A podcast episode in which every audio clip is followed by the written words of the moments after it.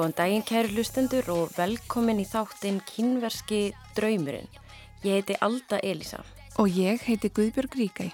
Saman ætlum við að leiða hlustendur í gegnum fjóra þætti um kínverska menningu og stjórnmál.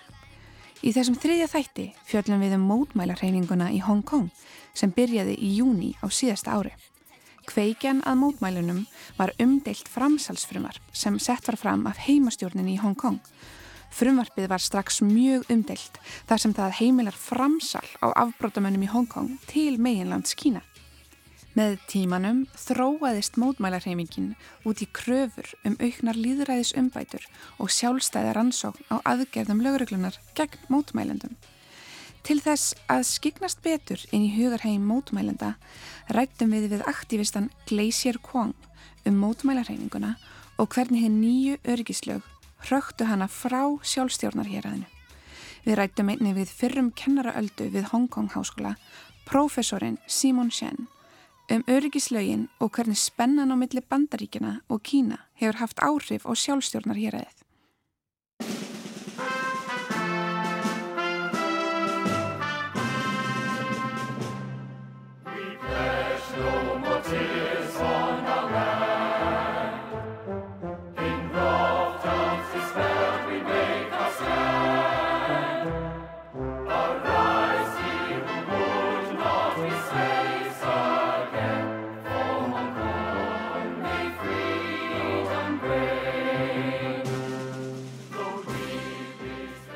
Heyra lægið Glory to Hong Kong eða Dyrðs í Hong Kong sem er einnkynnislag mótmæla reyfingarinnar og hefur oft verið kallað þjóðsöngur Hong Kong.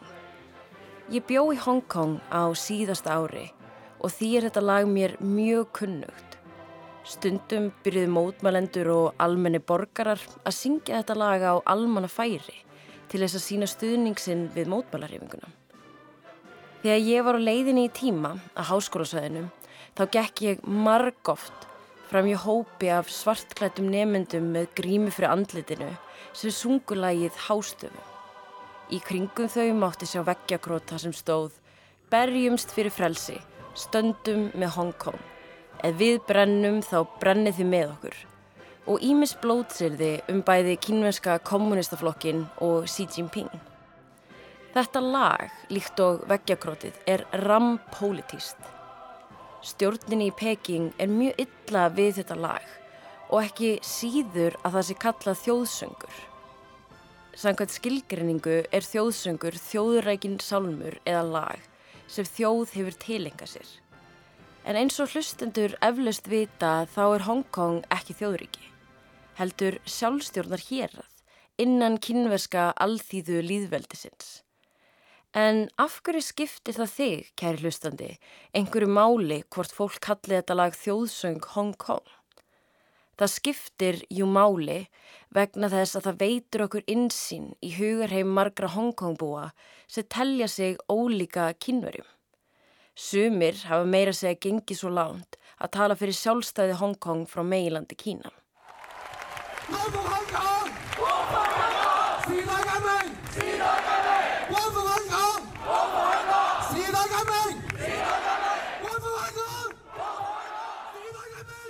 En af hverju var svona sterk andstaða gegn framsalsamningnum? Framsalsamningar millir landa eru tiltölulega algengir.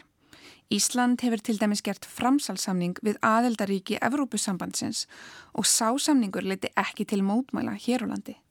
Hongkong er jú sjálfstjórnarherað innan Kína og ætti þá ekki að þykja eðlilegt að það væri einhvers konar framsalsamningur þar á milli.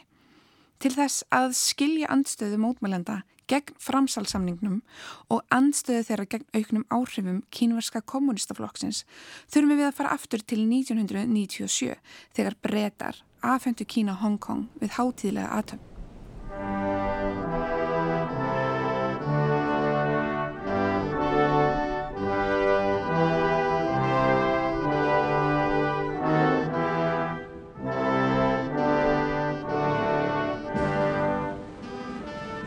Það var stór dagur í sögu kynverska alþýðu líðveldisins þegar Hongkong var loksins saminað móðurlandinu eftir 156 ára niðurlægingu Kína.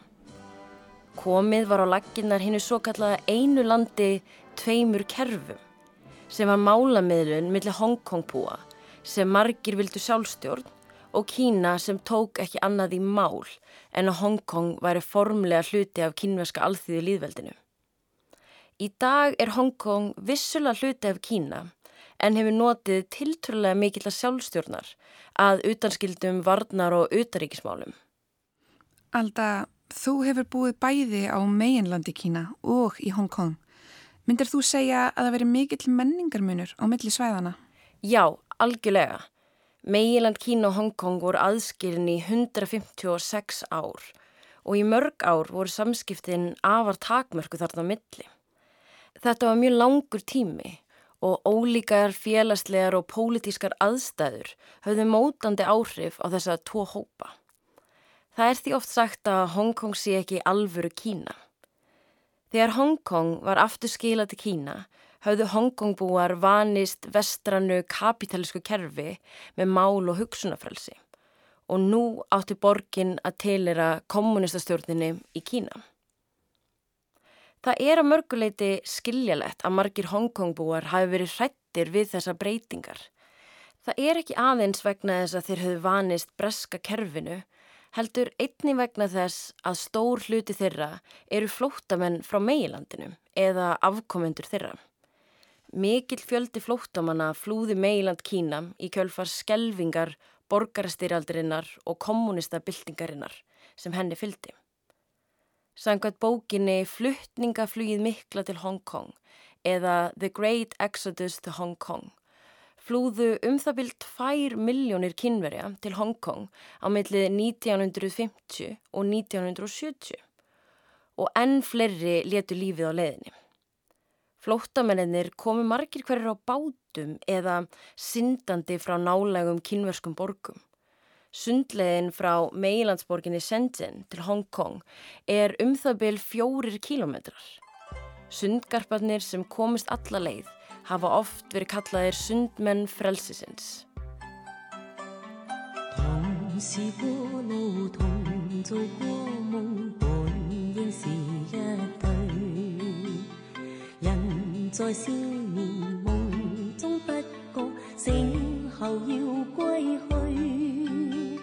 三餐一宿也共一双，到底会是谁？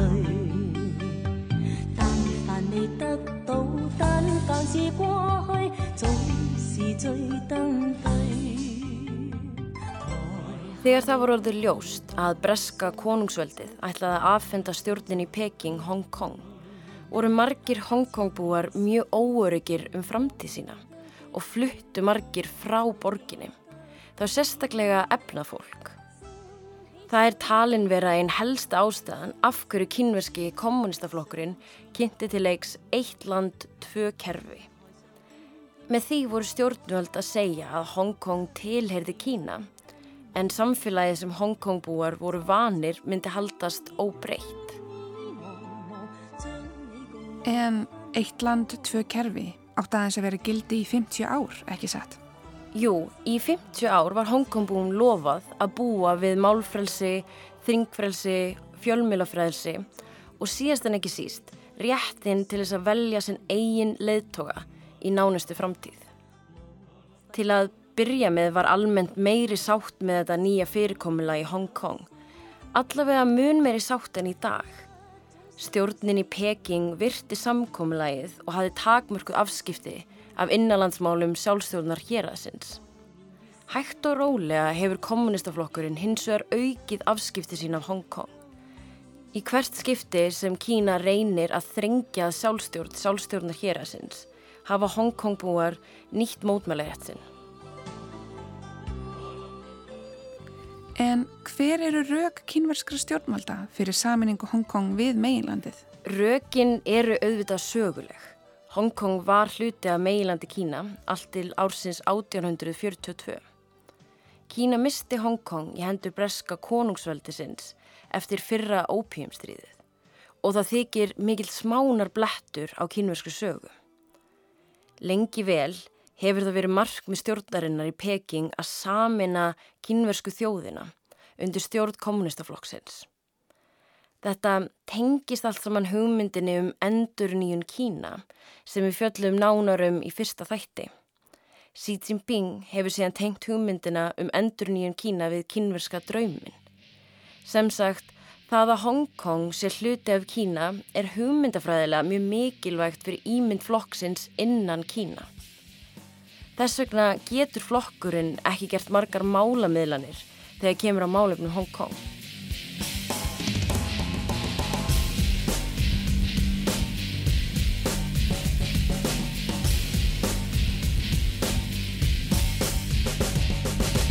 少点的烟味，明白隔壁是过树冠。店里面的妈妈桑擦的有啥？短脚裙找武士老板，练铁砂掌耍呀加强。印尼是功夫最擅长，后金铜造铁虎 山。他们是我习惯，从小就耳濡目染。什么刀剑用棍棒，我都耍的有模有样。什么兵器最喜欢双截棍，柔中带刚。想要去河南嵩山学少林跟武当。怎么该怎么该？呼吸吐纳心自在。怎么该怎么该？气沉丹田手心开。怎么该怎么该？日行千里行下来，飞檐走壁莫奇怪，去去就来。干嘛不向前一起左勾拳右勾拳，一句惹毛我的人有危险。一再重演一根我不抽的烟，一放好多年，他一直在身边。怎么该怎么该？我打开任督二脉。怎么该怎么该？东洋兵法的招牌。怎么该怎么该？已被我一脚踢开。Kveikjan að mótmælunum í fyrra var framsalsfrumvarpið, ekki satt? Eða eru aðrar ástæðir fyrir félagslegu ólgunni í sjálfstjórnarhéræðinu?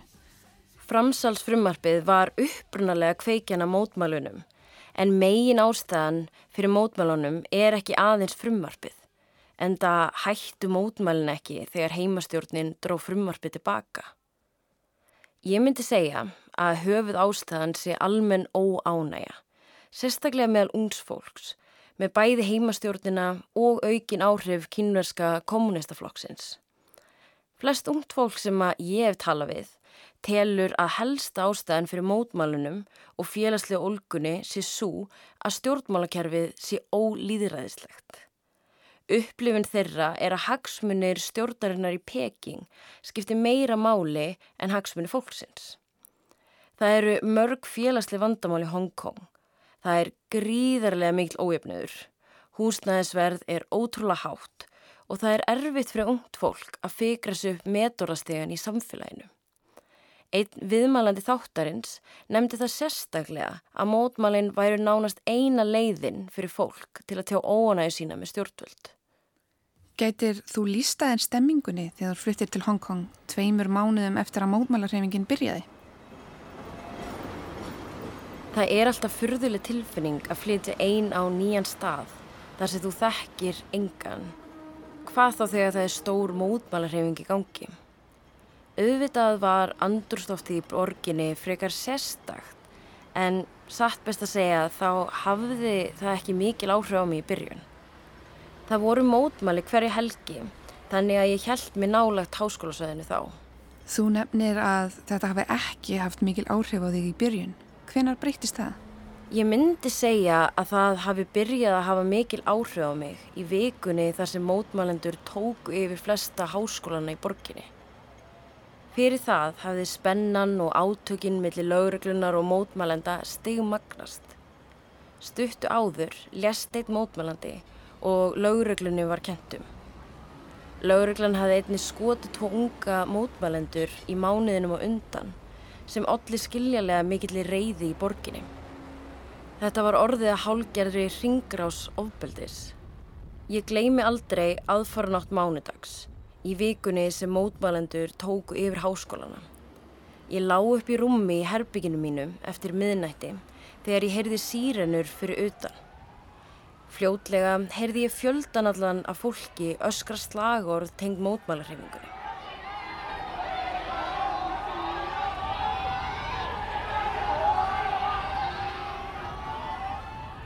Þetta var alls ekki fyrsta skipti sem pólitísk slagorð heldur mér vakandi á nóttinni en það virðist eins og það væri eitthvað meira um að vera í þetta skiptið.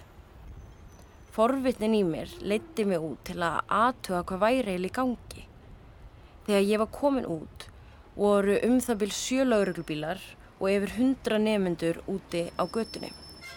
Ég spurði kunningavinkonu mína sem gengdi ábyrrastöðu innan skólavistarinnar hvað væri eiginlega í gangi. Hún sagði mér að lögreglan væri mætt til þess að handtaka nefnda en hún væri ekki með formlegt leifi til þess. Hún reyndi að raugraði við lögregluna þar sem hún vissi að það sem lögreglan væri að gera væri ólöglegt innan lagarama Hongkong en það bar lítinn árangur. Nefndunir urður stöðugt reyðari og reyðari þanga til einhverju byrjuði að sparka í lögreglubílinn. Lögreglan svaraði með því að beita piparúða á þau og þá ákvaði ég að það væri tími til þess að koma mér.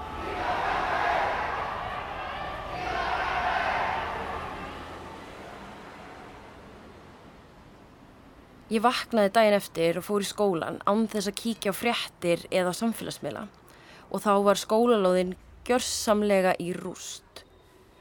Þá sá ég í fréttum að það veru allsærja mótmæli og verkvöld um alla borgina. Mestu átökin voru á skólalóð kynverska háskólans í Hongkong þar sem mótmálendur átti í hörðum átökum við lögregluna. Ég átti að skila rítgerð daginn eftir en það var engin leið að ég geti einbytt mér. Sem betur fyrr sendi kennarin minn okkur tölvupost þess efnis að við fengjum smáfrest og allir tímar út önnina yrði í fjarnámi. Síðan tóku við súrealískustu tvær vikur lífsmýns. Súrealist er kannski ekki rétta orðið en það er það eina sem ég finnst passa. Það var alls konar umræð á netinu um að kynveski herin væri á leiðinni til þess að skjóta á mótmælendur en það gerist þú aldrei. Ég var alltaf á skilaboð um að laurreglan væri á leiðinni í háskóla minn til þess að reka mótmælendur í burtu en hún kom aldrei. Mótmælendur tóku samt sem áður yfir skólan minn og voru búinir að byggja varnarveggi og byrja sig upp á vopnum ef það kæmi til átaka við lögregluna. Ég er almennt mjög forviti manneska svo ég fór alltaf út til þess að skoða hvað væri í gangi. Af einhverjum ástæðum hlustaði ég alltaf á hatara þegar ég gekk um háskólasvæði. Einhvern veginn fannst mér það eina viðegandi tónlistin til þess að hlusta á á meðan ég gekk fram hjá niðurrifunum og svartklættu mótmælendum með andlitsgrímur.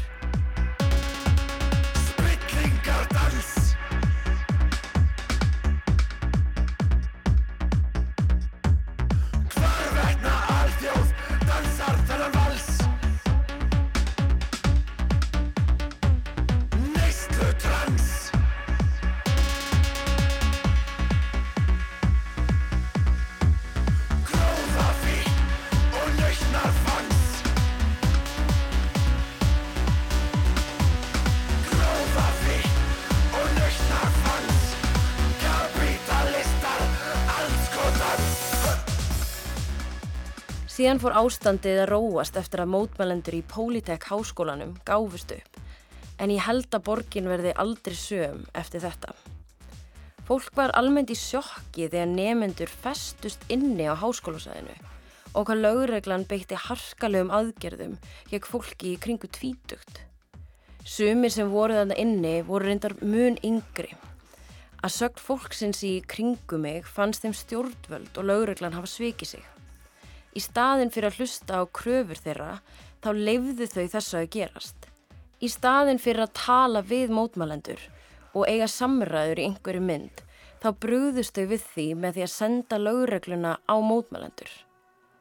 Sangat rannsók sem var gerð á Hongkong háskólanum og kom út fyrra árinu er 50 hver Hongkongbúi með enginni áfallastreitur öskunar þá má ætla að tvær af 7,4 miljónum borgarbúa séu með áfallasteituröskun.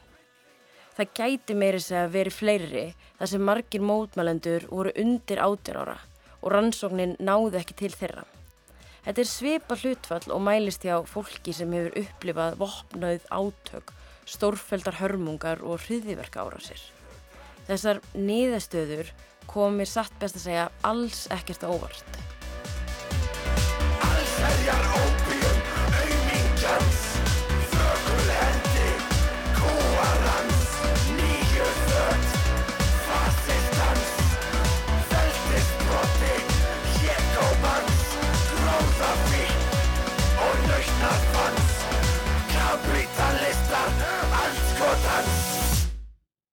En hvað ákveðst þú að gera eftir þetta? Mér leið ekki vel með tilöksunum að vera áfram í Hongkong Og það sem ég þurfti ekki lengur að mæta í tíma, þá ákvæði ég að fara til kærasta míns sem bjó í Shanghai á þessum tíma. Það var eins og að fara í annan veruleika. Úr umhverfi þar sem þú sér hatur gegn kynveska kommunistafloknum allstaðar. Í Shanghai þá fannst mér vera óvinni mikið af áróður smyndböndum í lestum og fleiri stöðum sem síndu jákvæða hliðar á Kína. Ég sá líka eins og myndband í neðanjaraðlestinni sem var hálgerð auglýsing fyrir lögregluna. Í myndbandinu byrstust lögreglumenn sem hetjur sem voru að handtaka fólk á fremur ofbeldisfullan hátt. Svo komst ég ekki hjá því að eiga samræður við meilands kynverja um mótmálinn í Hong Kong. Almennt hafi fólk mjög neikvæða sín á mótmálendum. Mörg þeirra sem ég rætti við töldu mótmælendur vera ofbeldisfullt fólk sem var að reyna að eidilegja fyrir Kína. Sumir síndur reyfingunni hins vegar meiri skilding. Í kjarnamótmælana eru ungmenni sem mörg þeir eru tilbúin að fórna framtíðsinni fyrir borgina sína. Yngsti mótmælandin sem var kærður fyrir þáttöku sína í mótmælunum var aðeins 12 ára gamal. Hann var dæmdur fyrir að úða helvítis fanatísku löggur og guðileg tortíming frjáls Hong Kong á lögreglu og lestarstöðuvar í borginni. Til þess að fá betri insýn í hugurheim mótmælandana rættum við við aktivistan Glacier Kwong. Hún byrjaði ferilsinn sem aktivisti árið 2012 þegar hún var aðeins 16 ára gömul. Hún tók virkan þátt í reglífarreyfingunni svo kalliði árið 2014 og hefur talað máli mótmælarreyfingarinnar á alþjóðavísu á síðarsliðinu ári. Þegar við höfum samband við hana fyrir í sömar var hún í Hong Kong en þegar viðtali var tekið var hún flúen til Þýskalands þar sem hún stundar doktorsnám í lögfræði.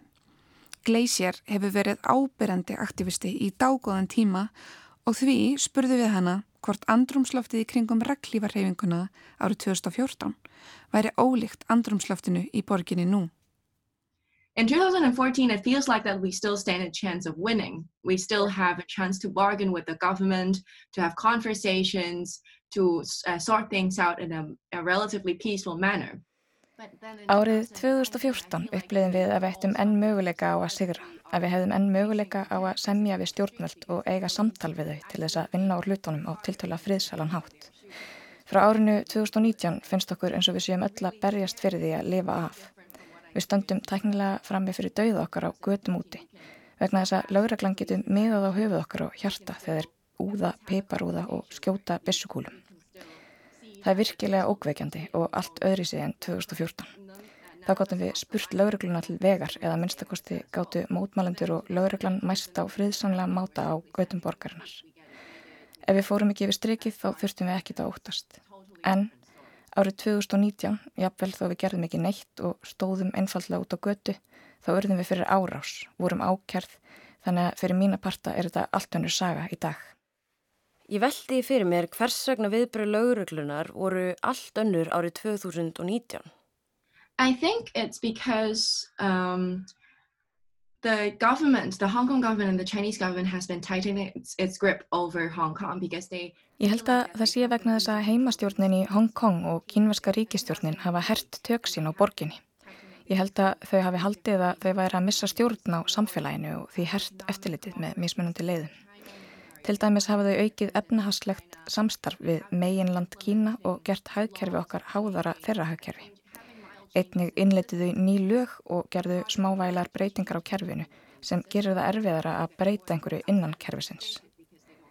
Árið 2019 fór reyði fólks úr böndunum og 2 miljónir manna mættu á mótmælinn.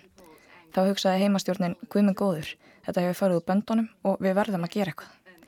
Í staðin fyrir að hlusta á kröfur fólks ákvaði að brjóta okkur niður. Síðan byrjaði þessi endurtekna reyði og svo fór þetta bara svolítið úr böndunum og þróaðist í það sem við sáum í fyrra. And, and then it continues having this competing uh, increased outrage and then it just sort of got out of control. Já, þetta fór svo sannarlega úr böndunum og það var sífelt erfiðar og erfiðara að sjá fram á friðsamlega endalók á mótmælunum þar sem bæði stjórnvöld og mótmælendur síndu lítinn vilja til þess að gefa eftir.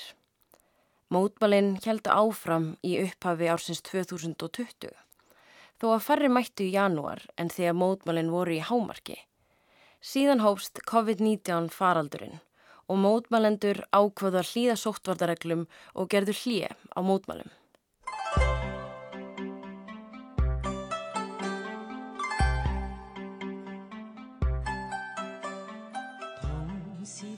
Afskiptaleysi stjórnarinnar í Peking af mótmælunum árið 2019 kom mörgum á alþjóðavísu á óvart. Eins og minnst var á hér áður þá voru stöðugar umræður um mögulega innrás kínverska hersins en hún varð aldrei að veruleika. Stjórninga grindi mótmælin að sjálfsögja hafðlega, fjölmiðlar á meginlandinu fjöldlega mikið um ofbeldis og niðurufsverk mótmælenda og kollega vel rótæka mótmælendur hriðjuverkafinn. Á sama tíma var lögreglumönnum sjálfstjórnarheraðsins lýs sem hetjum sem stæði vörð um stöðuleika og frið. Í mæ á þessu ári tilkynntu stjórnveldin í Peking áform sín um að koma á nýjum örgislögum í Hongkong og tóku þau gildi 1. júli. Rúmlega 300 voru handtekinn í Hong Kong í dag þegar fólk sapnaði saman til að modmæla nýjum örgislögum sem tóku gildi í héræðinu. Samkvæmt nýju örgislögunum er andof í garð kínverskra stjórnvalda og leinileg samskipti við Erlendríki bönnuð og ekki er heimilt að krefast aðskilnaðar Hong Kong og Kína. Hámarksrefsing fyrir brotalögunum er lífstíðarfangelsi. Kínversk stjórnvald segja lögin nöðsileg til að koma í veg fyrir hriðjuverkastarðsemi og glæpi en fjölmörga ríki og samtök segja þau ekki standast alþjóðlega skuldbyrningar og að þau ógni frelsi í búa og sjálfstæði domstóla. Glacier Kwong var í Hong Kong þegar lögin tóku gildi og ég spurði hanna hvernig laugin höfðu áhrif á hennar líf sem aktivista. While I'm still in Hong Kong after the law is passed, I, I observed that my patterns of uh, behaving in public has changed. I don't, I stopped talking... Þegar laugin voru samþygt í Hong Kong tók ég eftir því að hegðun mín á almannafæri hafi breyst. Ég hætti að tala um alvarleg stjórnmál og almannafæri og hætti að tala um hugmyndir eins og sjálfstæði Hong Kong og stöðu borgarinnar innan Kína. Jáfnvel þó þetta séu einungis fræðilegar umræður þá hætti ég að tala um þær. Ég fjarlægði límið af minnisbókinu minni og fartölunni minni til þess að forðast vandræði. Ég er mjög meðvitið um hvernig ég á að hegða mér á almannafæri því ég er hrætt. Ég er sannlega hrætt um örlug mín og fjölskyldum minnar. I think that the most uh, scariest part of the law is that the fear that it generates because it stops you from talking about a lot of things and it's very scary because when one person Það sem er mest okkveikjandi við þessi löga mínum að þetta er ræðslan sem þau skapa því þau koma í veg fyrir að þú talir um ímislegt það er mjög ókveikjandi vegna þess að ef ein manneska hættir að tala um eitthvað þá munu hinnir fylgja. Þá upplifir þú þig einangraðan og veist ekki hversu margir eru enn með þér í liði. Það leiði til þess að allir byrja að reytskoða sig og síðan talar engin um neitt. Það er einmitt ástæðan fyrir því að þessi lög eru svona ókveikjandi. Það er ekki vegna aukina valda lögreglunar því að hún gerir hvort sem er það sem henni sínist í hvaða aðstæðum sem er. Það sem hefur breyst með lögunum er að við erum hrætt vegna þess að þau eru að þakka niður í okkur með því að hóta að við verðum sendið Kína og horfast í augu við önnur viðurlög ef við tölum um hitt og þetta. Þessi sjálfsrýtskoðun er það mest okkveikjandi við þessi lög. Ég veldi því fyrir mér hvort Gleisir hafi sjálf áhyggjur af því að verða skotmarki örgislegana. Hún er vissulega ekki jafn áberandi og margir aðrir aktivistar en hún hefur samt sem áður gerð segum brot á örgislögunum. Hún hefur mætt ólulegum mótmæli sem geta nú talist í hriðvíverka og hún hefur leitast eftir stuðningi og alþjóða vísu sem telst til samráðs við Erlend lönd. En það tvent brítur gegn hennu nýju örgislögum. Well am, ég er mjög meðvitið um að ég gæti orðið að skotmarki. Ég held ekki að ég sé bráðri hættu en ég sé samt sem áður hættuna. Það er ekki þægileg tilfinning að vera skotmark ríkisins. Ég upplifið mig enn sem venjulega 24 ára mannesku sem vil lifa venjulegu lífi með vinu mínum og kærasta en núna er það ekki mögulegt og það kemur í mikið uppná.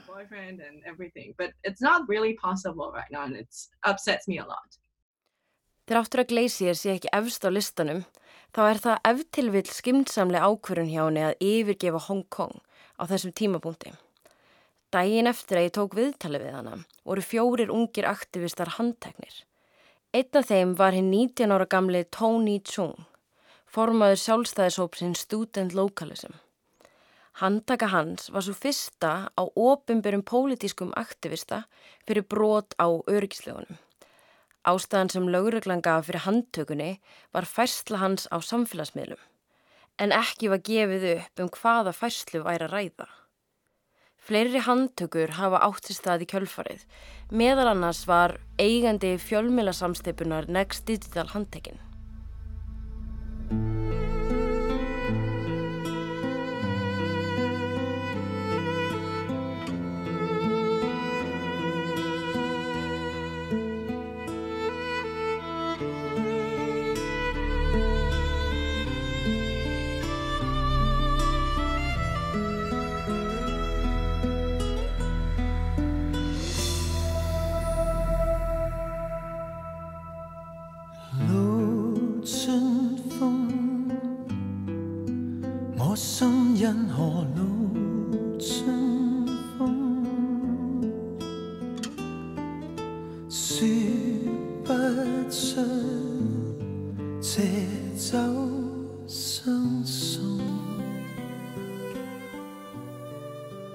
Borgin sjálf og íbúar hennar verðast að mörguleiti vera fórnarlömp geopolítískrar spennu.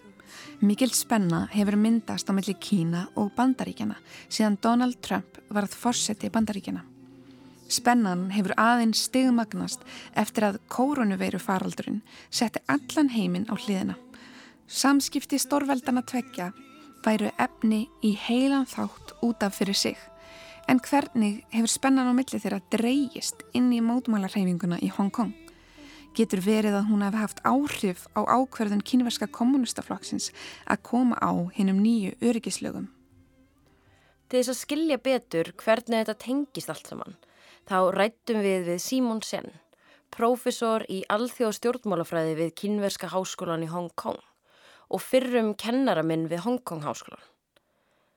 Ég spurði hann hverja hann teldi vera helstu ástæðuna fyrir innleiðingu nýju örgislagana. Þessi ákvörðun tengist ekki aðeins Hong Kong. Svona háttsett ákvörðun hjá kynveska ríkinu er vanlega hugsuð út frá heildar stefnu ríkisins og alþjóða stjórnmálum í heiminum, svo ég held að Hong Kong sé ekki einu rökin fyrir ákvörðuninni. Svo spilaða líka inn í hvernig Kína dílar við bandaríkin og önnur lönd í heiminum. Einn af kveikjupunktunum fyrir lögunum var svo að fólk frá Hong Kong var að byggja um alþjóðlega refsiaðgerður gegn heimastjórninni í Hong Kong og stjórninni í Peking, sérstaklega frá bandaríkjunum. Það virkilega stuðaði stjórnmálamenn í Peking. Þannig er þetta allt hluti af samræmdri viðlitni Kína til þess að senda skilabóti bandaríkjana um að þau eigi ekki að augra Kína og að það sé ekki hægt að hemja Kína. Þetta er allt saman hluti af hinnu nýja kalda stríði. Þáttur að kynnu stjórnvöld líti á málefni Hong Kong sem innanlandsmál, þá er ekki hægt að aðskilja ákverðinir kynverska stjórnvalda frá utaríkismálum þeirra. Kjarnahagsmunni ríkisins eins og fullveldi og saminning kínvösku þjóðarinnar leggja grunninn að utaríkistefnu Kína.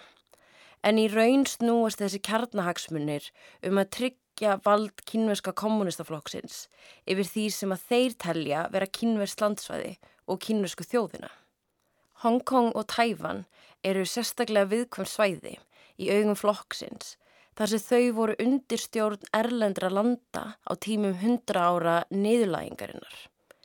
Þessi svæði eru vissulega kynversk en að hafa orðið fyrir miklum vestrænum áhrifum og það ríkir mikil anstaða gegn kynverska kommunistafloknum á meðal Tæfana og Hongkongbúa.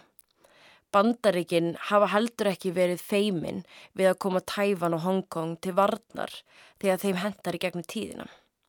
Ég spurði Símón hvort stórveldin varu hálfpartin að nota Hong Kong sem bitbein þeirra á milli. Yeah, that's unfortunately true and that's sad for the Hong Kong people because uh, yeah.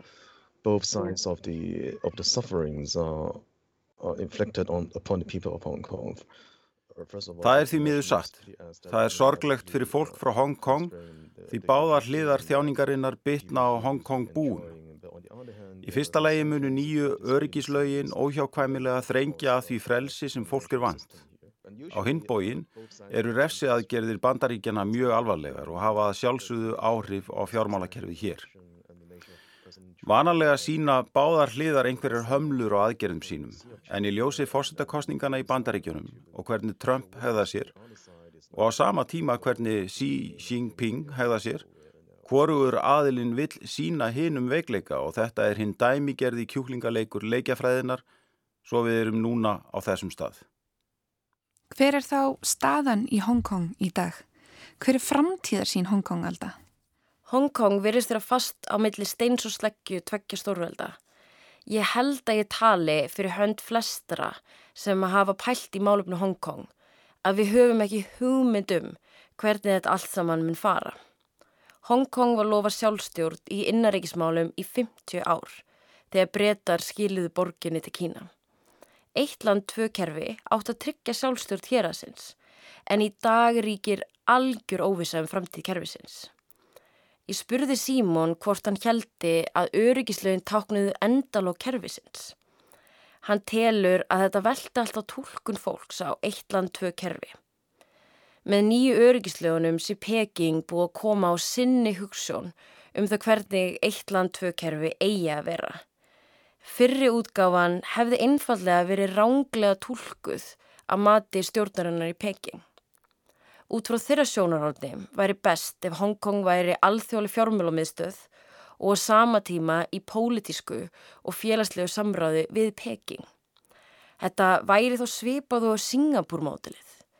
Auðvitað væri það ekki eins þar sem Singapúr er sjálfstætt ríki og Hongkong er það ekki, en stjórnvöldi Singapúr stjórna samfélaginu með ákveðnum hætti.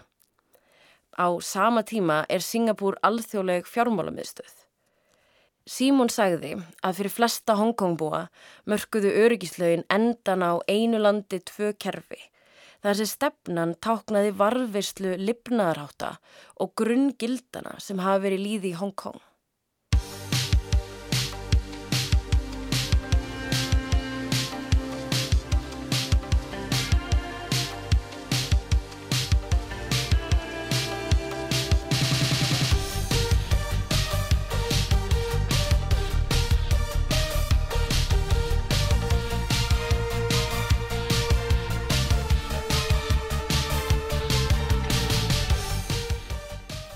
Þrátt fyrir hinn nýju öryggislög þá trúir Glacier því enn að einn daginn muni líðræðisinnar í Hongkong byrja sigur úr bítum.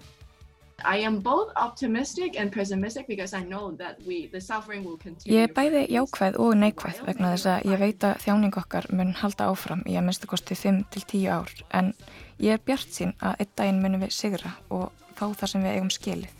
Mannréttindi, grundvallarréttindi og við getum lifað hamingisömu lífi. but I am optimistic that someday, eventually, we will win and get what we deserve, like human rights, fundamental rights, and a happy life.